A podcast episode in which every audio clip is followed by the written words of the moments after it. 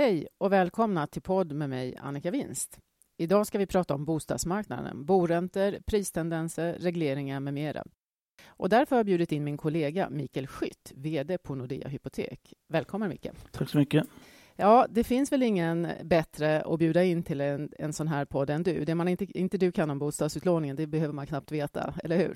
Varit med i gamet väldigt länge. Några år, ja. Mm. ja decennier kanske. Eh, men välkommen. Om vi börjar med marknadsläget. Vilka tendenser ser du i marknaden idag? Ja, om vi tittar på bostadsmarknaden så är den, man kan säga att den är både stabil och instabil beroende på hur man definierar det här. Dels så har ju nyproduktionen gått ner ganska kraftigt då, men det varierar även lite geografiskt då. Så till exempel Göteborg tuffar på medan i Stockholm så är det lite trögt och eh, vi ser fram oss, framför oss nu en del stora projekt som som kommer att avslutas. Så det kommer att komma ut mycket nya lägenheter på marknaden. Så att, eh, men Vad tänker på, du för tidsperspektiv då? Är det närmsta halvåret? Under hösten eller? tänkte jag på. Ja. Då. Eh, sen är det upp till de här stora byggbolagen att bestämma om man ska fortsätta med projekt som ändå är i projektstadiet eller om man ska så att säga starta nya. Så att eh, det är lite grann hur försäljningen går. Mm. Och det var ju då utbudet. Hur ser det mm. ut på mm. efterfrågesidan? Ja, den är ju stor. Alltså vi, med den demografi vi har och, och urbaniseringen så är det ju många som söker sig till storstäderna för, från landsbygden och det, det, är en stor efterfrågan. Frågan är om utbudet matchar efterfrågan. Det är egentligen den viktigaste frågan. Mm. Men sen antar jag att det ser olika ut i olika delar av landet där också. Vi har ju byggt väldigt mycket mm. i storstäder och universitetsstäder de senaste åren. Ja. Eh, är andra universitetsstäder, om man tänker bort de tre mm. storstäderna, också fortfarande attraktiva? Eh, det är det definitivt. Va? Man brukar säga då att Stockholms eller Sveriges bostadsmarknad den består ju av Stockholm, Göteborg och Öresundsregionen och 12-14 universitetsstäder då, med befolkning över 100 000. Och där är det fort, fortfarande en väldigt stor efterfrågan. Och eh, dessvärre då så har, har den här byggnationen inte varit helt jämn utan man har byggt lite för mycket i orter som till exempel Uppsala och Örebro. Mm. Umeå har man byggt mycket, det är ingen risk? Mm, nej, inte som jag ser det, för det är liksom den enda eh, poolen, eller centrala polen där uppe i Norrbotten som växer. Så att eh, Umeå bör inte vara något problem i alla fall. Växjö har jag också hört när jag varit där. Ja, Viss oro, stämmer det? Eller? Ja, det kan nog stämma. Men alltså det är svårt att matcha det här om, om målgruppen är till exempel studenter mm. som kommer att plugga i tre år. Vad gör man sen med lägenheterna? Men det är fler och fler som studerar. Så det är klart, eh, såg igår till exempel att Lund eh, behövde ha 3000 studentlägenheter. Det fallet är ju samma med Stockholm. då. Men det mm. gäller att hålla ner dem prismässigt också så att studenterna har råd med dem. Mm. Byggs det billigare bostäder eller mindre bostäder med lägre kvalitet kanske man ska säga som, Ma som man, man har råd för? försöker nog men på det hela taget så bygger man nog fortfarande som man säger för medelklassen och merparten av nyproduktionen. Men det finns olika eh, exempel, till exempel i Uppsala där man säljer lägenheter som inte är inredda. Alltså man säljer 80 kvadratmeter med, med kök och badrum och sen är det upp till kunden att bestämma om man ska ha en etta eller en fyra av den här lägenheten. Så man, man försöker dem på olika sätt. Men i grunden kan man säga att, att det är så dyrt att bygga, vilket det är i Sverige, beror på att kommuner och städer tar ut fullt marknadspris för marken. Så att de, de sitter på en gigantisk tillgångsmassa och då vill man ha ut fullt marknadspris och då blir hela byggnationen dyr. Mm. Eh, vi har ju haft en diskussion om att man byggt väldigt mycket dyra bostadsrätter och sen kom mm. ju hyresbyggandet ändå igång, inte minst i Stockholm i alla mm. fall och i några andra städer också. Hur ser den fördelningen ut? Eh, ja, det, det, byggs fler och fler eh, hyreslägenheter och det är extremt positivt måste jag säga. För att även om man säger att de är dyra och att i princip är det ju, eh, marknadshyror på nyproduktionen så behövs den upplåtelseformen. Och, eh, Låt säga då att man har en tvåa som kostar eh, 12 000 i månaden. Är det ett par som flyttar ihop, även ungdomar, så klarar man ju det. Och då får man ett förstahandskontrakt istället för att gå in på andrahandsmarknaden där det är ohemula hyror skulle jag vilja säga. Så att bra om några av de här bostadsrättsprojekten skulle kunna bli hyresrätter istället. Tror du det då?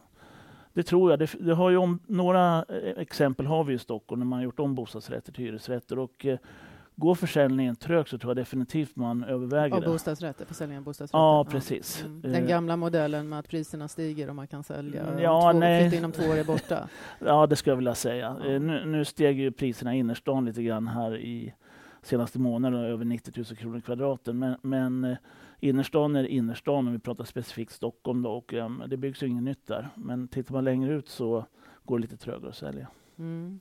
Om man tittar på priserna generellt, då, mm. nu nämnde du Stockholms mm. innerstad, men hur ser det ut om vi har ett eh, kanske lite begränsat utbud då, med tanke mm. på din beskrivning till mm. efterfrågan? Hur, då ska priserna upp?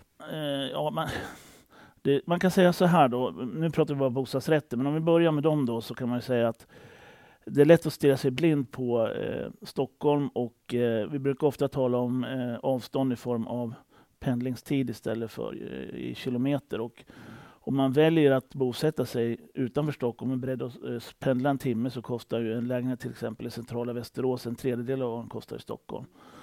Eh, och ännu billigare om man går till en mindre ort som Katrineholm till exempel. Eh, så det är ett sätt att se det på. Men, men jag har väldigt svårt att det ska bli någon större prisökning. Så det är generation nu som har varit vana med att priserna går upp och sen så gör man en vinst på sin bostadsrätt och sen bildar man familj och köper ett hus. De kommer inte att få lika lätt att få upp till en kontantinsats. Nej, så hyfsat stabil utveckling. Ja, det skulle jag vilja säga. Ja. Mm. Sen är det ju, om man tittar tillbaka i tiden, så har ju priserna fallit lite mer i, i Stockholm till exempel än vad de har gjort på andra håll. Det finns ingen sån här catch-up-effekt som man skulle kunna ta utifrån Nej, men det är ju så att är priserna höga och jag menar sett till inkomster så, så, så blir det så att prisfallet blir större i, i, i Stockholm naturligtvis. Och det största prisfallet eh, har ju varit på småhus kan man säga. Eh, om man ser då att 2017 när priserna verkligen föll i Sverige så föll de i snitt på ungefär 10 procent om vi bara drar över hela landet. Ser man på småhus i Stockholm, och då pratar vi närförort som Sollentuna, Nacka, ja, Enskede, så är det snarare 20 procent ner. Och det bekräftas då när man pratar med mäklare att så är fallet. Och det är väl helt enkelt så att en, en villa med ett pris över 10 miljoner så är det ett begränsat antal personer vi kalla det, med normala inkomster som har råd att köpa en sån, även om man har en hygglig kontantinsats. Mm.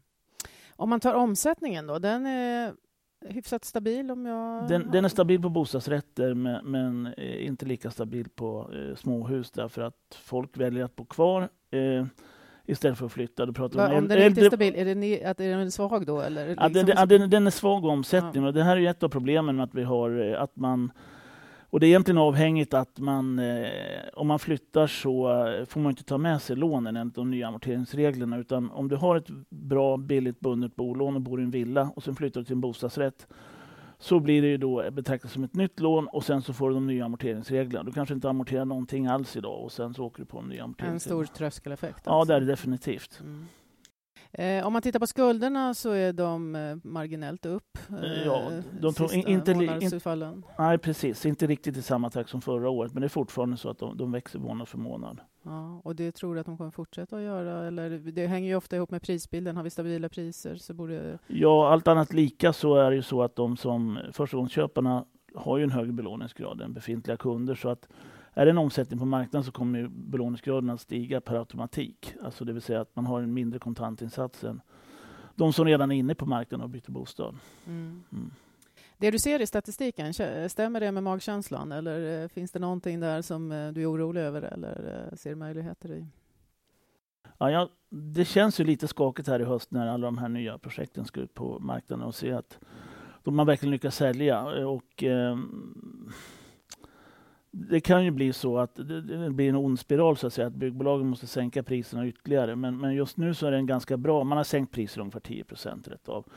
Men just nu så är det en ganska bra match mellan begagnat och, eh, och nyproduktion. Det man ska titta på som kund är ju vilken skuld man har per kvadratmeter på föreningen, för den kommer ju avspeglas i din månadsavgift. Eh, och eh, det finns väl några speciella objekt där man har väldigt höga, men generellt sett så ska man alltid jämföra en, en begagnad med en ny och titta på de ekonomiska nyckeltalen i föreningen. Mm. Många slarvar där. Eh, ja, det, det, är inte lätt att köpa en bostadsrätt, Nej. mycket man ska tänka på. Men tar man bara andelstal gånger föreningens lån eh, så får man ju fram sin andel av, av föreningens lån som ska betalas via månadsavgiften. Det är en ganska enkel sak att kolla på. Mm. mm det som jag tycker att man borde få lära sig i skolan. Ja, absolut. det är bara att hålla med Grundkurs 1 ja. ja, okej. Okay. Om vi lämnar då lite grann mm. Eh, den, den, statistiken och så går vi över mer till regleringar. Vi hade ju en period där det kom, eh, eller framförallt diskuterades väldigt mycket med nya regleringar. Mm. Vi fick flera amorteringskrav, man pratade om ränteavdragen och så mm. vidare. Eh, är den tiden förbi eller är du orolig eller ser du möjligheter kanske till och med att det regleras ja, mer? Det är jättesvårt att säga. Man har ju hela tiden gått på alla regeringar som man säger att man ska göra något åt bostadsmarknaden. Men det har ju man aldrig lyckats komma överens, överens och det verkar inte den här regeringen göra heller. Ja, vi har en väldigt eh, splittrad regering i, i ja, nuläget mm. och, och, min känsla var väl lite grann att många av eh, bostadsmarknadens mm. lobbyister tänkte att man ligger lågt inför valet mm. så kommer man tillbaks när vi har en regering på plats. Men mm. den regeringen blev inte riktigt vad man tänkte. Nej. Och, och därmed heller svårt att leverera någonting ja, precis. större. Det finns ju, det finns ju tänkbara saker, men då, då måste man eh, ge upp sina käpphästar så att säga. Socialdemokraterna måste ge upp eh, marknadshyrorna på begagnade och eh, på högersidan då se över om man kan se över eh, ränteavdraget till exempel. Så att, eh, men alla har sin egen agenda när det gäller det här så att det, det, det är inte helt lätt. Det vi från banksidan helst skulle vilja se, eh, som kanske inte har så mycket med regleringar utan det är mer att vi skulle hemskt gärna vilja ha ett centralt bostadsrättsregister för vi ser det som en risk med det förfarandet vi har idag. Så att, eh, Hur då tänker du? Jo, eftersom de här registren förs av eh, föreningarna. I, I, många fall så är det naturligtvis HSB, SBC och så vidare som för Men det kan finnas småföreningar där styrelsen sitter och för det här. Sätter in pantsättningshandlingen i en perm och sen får man ett register på det. Det är inte helt, eh, om man jämför med till exempel ett hus där Lantmäteriet för för register. Skulle vi vilja ha ett publikt register för bostadsrätter. Vad är risken för konsumenten? här? Ja, risken är ju att föreningen inte har koll på papperna så att det är dubbel pantsättning och sådana saker det är, inte, det är ett gammalt system och jag menar ett centralt register, jag tycker det är en ren hygienfaktor att någon i regeringen tar tag i det här. Dessvärre då så har det så ändrar man mellan olika regeringar vilket departement som är ansvarig för de här frågorna. Så man mellan finansen och så hamnar det på en annan avdelning och sen, ja, du vet själv. Ytterligare en sak som du måste hålla reda på som, som köpare ja, och, och, säljare och kolla innan, innan man mm. går in i marknaden. Mm. Eh, jag får också ofta frågan av journalister att den ränta som bankerna räknar på är alldeles för hög med tanke på att ränteläget mm. har fallit. Är den det? Ja, Vad räknar till exempel Nordea på? Den, ja, vi räknar med 7% i ränta då. Eh, och då ska man ha noll på sista raden i kalkylen. Och då kan man fråga sig varför har ni 7 ja, Vi sänkte den från 8% till 7% förra året. Och parallellt med det så la vi in då också eh, det här jag pratade om tidigare, alltså andel av föreningens lån för att få en känslighetsanalys. För att det är ju så att köper man en bostadsrätt så är man egentligen dubbelt skuldsatt. Man har sitt eget lån och så har föreningen sitt lån. Med det sagt så har vi egentligen baserat på den här eh, kalkylräntan på, dels av erfarenhet, vi har haft den i 20 år kanske, men också på att eh, vi räknar med normalränta över tid på 5-5,5 procent och sen har vi en buffert för eh, ska säga, politisk risk till exempel, att man höjer energipriser, minskar ränteavdrag etc. etc. Vi tycker det är en rimlig buffert eh, och den här matchar ganska väl eh, den här skuldkvoten som regeringen har på 4,5-5 procent.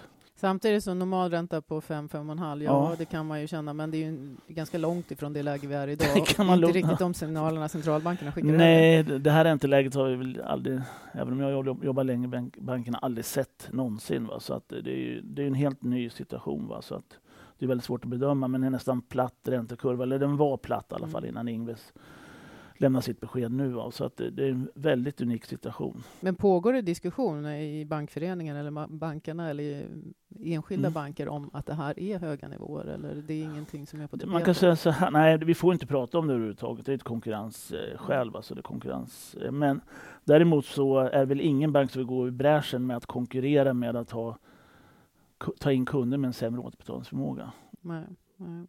Eh, jag eh, tänker ofta att när jag får den här frågan, eller svarar ofta, att eh, det som Riksbanken mm. brukar klaga på är ju att den kvar att leva-kalkylen som mm. man använder är lite för låg, så att det kan kompensera lite grann. Det vill säga att de flesta människor ja. vill leva på en högre buffert än vad kvar att leva-kalkylen är. Stämmer det? Ja, det är ju definitivt sant. Jag menar, den, den schablon vi har som en Konsumentverket, den, den är ju standardkostnad. Och det är klart att vi kan inte ta höjd för att man springer hos tandläkaren tre gånger om året, man skaffar en häst eller man bara överdriver lite grann. Alltså att man har en hobby som är väldigt dyr eller man har ett annat beteende. Utan det här är ju en standardschablon som man kan klara sig på i worst case. Och då får man dra in på det här andra. Och jag, jag kan tycka att den är ändå rimlig. Det, det, hellre det än att man sitter och gör en individuell budget. För den kan ju vara som man gör i andra länder i Norden. Då. Utan vi tycker ändå den här schablonen är bra. Alla banker använder samma schablon. Mm. Eh, vi var inne på det lite grann tidigare, hur marknaden såg ut och sådär. Men det, vi kom ju till en period då eh, man gick från att man mm. kunde köpa först och sälja sen mm. sin bostad. Och sen blev det lite tvärtom, för det var mm. oroligt i marknaden, inte minst i höstas som du nämnde. Stämmer. Det vill säga att man eh, mer eller mindre krävde att sälj mm. först och köp sen. Hur ser det ut idag? Vi har inget absolut krav, men, men utifrån eh, kundens eh, situation, alltså hur mycket lån har man på befintliga boendet och eh, hur mycket ska man låna på det nya, så, så kan det i vissa lägen faktiskt vara klokt att sälja innan man köper. Det bromsar naturligtvis upp marknaden, men, men vad man får titta på i de här fallen det är ju hur lätt den befintliga bostaden är att sälja. Och det finns ju bra databaser man kan kika på det här, till exempel Booli och Hemnet och andra där man kan se omsättningen. Jag menar, en, en tvåa i Stockholm till exempel, den kanske man säljer på 14 dagar medan om man har ett hus på landet utanför Jönköping kan ta ett halvår att sälja. Men alltså, man, det är en rimlighetsbedömning av det här. Men, men eh, är man osäker på om, om, det är lätt eller svårt att sälja så kontakta oss och sen eh, kan man ju faktiskt be en mäklare titta på och göra en bedömning också. Mm, så att det, det, är inte alltid ett krav? att man Nej, måste... nej det är absolut, nej. inget absolut krav. Nej. Det är inte. Okej, eh, min, min avdelning, eh, vi har gjort en ny konjunkturrapport mm. och vi pratar mm. om avmattning som kan bli mm. lågkonjunktur. Mm. Vad betyder det för bostadsmarknaden om vi går in i en svagare tillväxttakt? Ja, alltså, eh, ja, man kan säga så här då att eh, vid lågkonjunktur så eh, om vi tar det från en banksida då ska man säga att det sista kunden slutar betala på det är bolånen. Så där, där ligger inte risken utan risken är snarare då att eh, att man slutar konsumera och då menar jag till exempel renovera bostaden. Eh, det kommer att slå mot bygghandeln eh, som är ganska stor. Eh, men för det hela taget så... Jag tänkte men, på men, prisbilden. Ja, men jag tänkte så här, det som har styrt priserna, och det, jag menar, det är egentligen 90 procent, det är ju den låga räntan.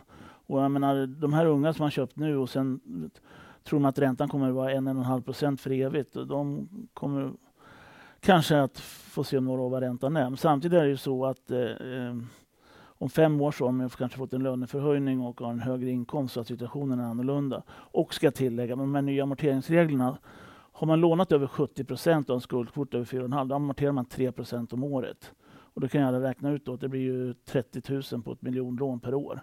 Då man alltså amorterar på fem år 150 000, så det är skulden väsentligt mycket lägre. Så att, tveksamt om den skulle slå eh, jättemycket, men det är klart lågkonjunktur har alltid påverkat prisbilden. Mm. Eh, I den bedömning som vi gör så mm. säger vi att arbetslösheten ska upp, men, men det är ju fortfarande så att majoriteten mm. av eh, svenska folket kommer att ha ett jobb och det är framförallt de som är ja. längst ut i ytterkanterna som mm. förlorar jobben i, i, i, första hand. Men du säger 90 procent på grund av den låga räntan. Jag önskar ja. att Riksbanken lyssnade på det. Mm. Det har ju varit vårt mantra. Eh, det är så att räntan har mm. oerhört stor betydelse när ja. man sitter och bestämmer om ja, vilka man ska låna. Men så här, jag, jag kan bara återigen säga till de här unga köparna att om nu räntan är så här låg och du har fått en jättebra ränta och vi har 30 i ränteavdrag.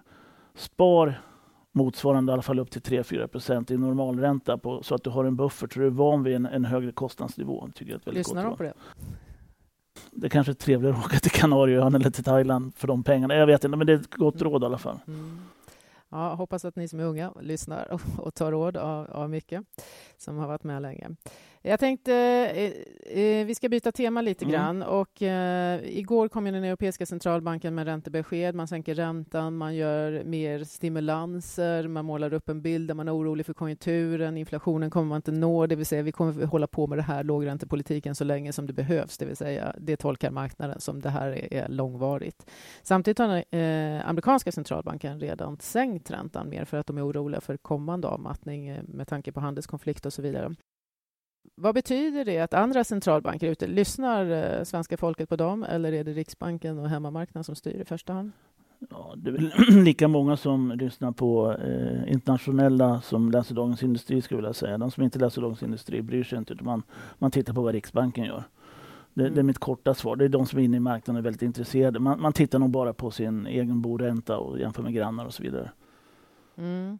Eh, nu är det ju så att Riksbanken säger fortfarande att de tänker höja räntan mot slutet av ja, året. och min, min, min, bedömning är väl att de kommer att kanske behöva krypa till korset. Det kommer vara mm. svårt med tanke på att vi har tongivande centralbanker som går på tvärs mot om vi har en vikande konjunktur och en arbetsmarknad och det blir svårt att nå inflationsmålet. Eh, men, men om jag har fel, om Riksbanken faktiskt höjer räntan eh, Påverkar det bopriserna 25 punkter i, i dagsläget? Nej, ingenting. Skulle Men det skapar en psykologisk osäkerhet? Ja, det gör det gör naturligtvis. Ehm, samtidigt får ju folk, eh, de som reser på semester som vi pratade om tidigare, de får lite mer i plånboken eftersom kronkursen antagligen stärks då. Ja. Min, min tolkning är att Riksbanken, om de höjer mm. räntan, så är det max en gång. Man vill väldigt gärna upp till nollan och man tar chansen om man, om man får den. Och då kommer på något sätt budskapet vara ja, 25 punkter upp, men det blir inte mer, utan sen mm. befinner vi oss i en lågräntepolitik, inte minst med tanke på vad andra centralbanker gör. Och det signalvärdet det är ju, som ekonom så är det, det är inte utan att jag tänker att räntorna faktiskt är för höga idag. Vad säger du om det? Du får fråga kunderna. Men jag säger så här, om, om vi kunde få upp räntan till noll så skulle det underlätta otroligt mycket kommunikativt. Både med den här glappen mellan vad inlåningsräntan är och utlåningsräntan är och, och lättare att förklara för en kund. Det är väldigt svårt att förklara en minusränta. Jag har aldrig sett det tidigare. Och, eh, Ja, jag har egentligen inget bra svar på den frågan. Jag är ledsen. Mm. Risken är stor att räntorna kommer bli lägre framöver. Du kommer okay. behöva vara en bra pedagog då, då framöver. Eh, också. Men däremot så öppnade ECB igår, den Europeiska mm. centralbanken, för att man ska ha två kanaler. Det vill säga att när man nu sänker räntan till mm. mer negativ så slår det på bankerna. Det blir svårt, precis som du beskriver, mm. både att förklara det men också att driva bank. Mm. Och då ska man undanta ett visst kapital som inte drabbas riktigt lika okay. hårt av den här negativa räntan. Det är mm. fortfarande en liten del mm. kapital. Men det är ju ett sätt att, att uh, kunna sänka räntan för att få fart på konjunkturen utan att sabba uh, banksystemet. Ja, och framför allt att du ska få den här transmissionsmekanismen att fungera det vill säga eh, för er som inte är inne i det här dagligdags. Det vill säga att om, om centralbankerna sänker räntan så är, banker i Europa och i Sverige en mellanhand till slutkonsumenten. Och om man, centralbankerna sänker och inte bankerna följer med för att det gör för ont i, i strukturen mm. Då, då, funkar inte den här transmissionsmekanismen och det vill man ju undvika. Så det är därför man då gör de här två eh, kanalerna. Tror du det kan hjälpa eller? Um jag har inte sett det här förslaget i detalj. Ja, det, kom, det kom igår och marknaden ja. gjorde faktiskt inga stora reaktioner på det. Men min egen tolkning är ju att eh, det öppnar ju för att du kan sänka räntan betydligt mer och stimulera konjunkturen mer. Och då är det någon form av krockkudde i vad gäller konjunkturen samtidigt mm. som vi fortsätter ut och, och, du behöver förklara de här mm. svåra pedagogiska frågorna. Ja, exakt. Avslutande fråga mm. då. Eh, vi har i Danmark eh, redan en situation där du kan få betalt för att låna till din eh, bostad. Mm. Får vi det i Sverige? Ja, det finns ju, jag har faktiskt fått den frågan tidigare. Och, eh, dels så eh, skuldebrevens eh, in, eh, innehåll och allmänna villkor och sånt säger att vi inte går under noll i ränta. Men den korta förklaringen är egentligen varför man har i Danmark att man har ett helt annat bolånesystem där med matchfunding som man kallar det då. Det innebär då att varje enskilt bolån har en obligation så man vet alltid vilken obligation som har eh, finansierat bolånet. Vilket innebär då att investeraren som köper obligationen eh, är beredd att ta en negativ avkastning. Och det, det, det, gör ju vad heter det, många investerare redan idag. Då pratar vi om pensionsfonder och eh, för övrigt. Så att, eh, svaret är nej, då, det korta svaret. Men, men eh, i Danmark fullt möjligt med det system de har. Men det är helt annorlunda än i Sverige. Man har 30-åriga bundna lån som man kan lösa när man vill. De kallas de är callable, de här lånen. Mm. Eh, det är inte alldeles lätt att, att driva verksamhet i Danmark. Det är en ganska Nej. Eh, speciell marknad med många småbanker också mm. och eh, en del utmaningar i systemet. Mm. Okej, okay. mm. stort tack. Är det någonting som jag borde ha frågat om som jag inte har? Det är det säkert, men jag kommer inte på någonting just ja, nu. Du kommer säkert bli hitbjuden igen. Okay, det här är en tack. fråga som många, många mm. våra lyssnare är intresserade av. Tusen tack mycket för att du var med och stort tack, tack ni som har lyssnat på återhörande.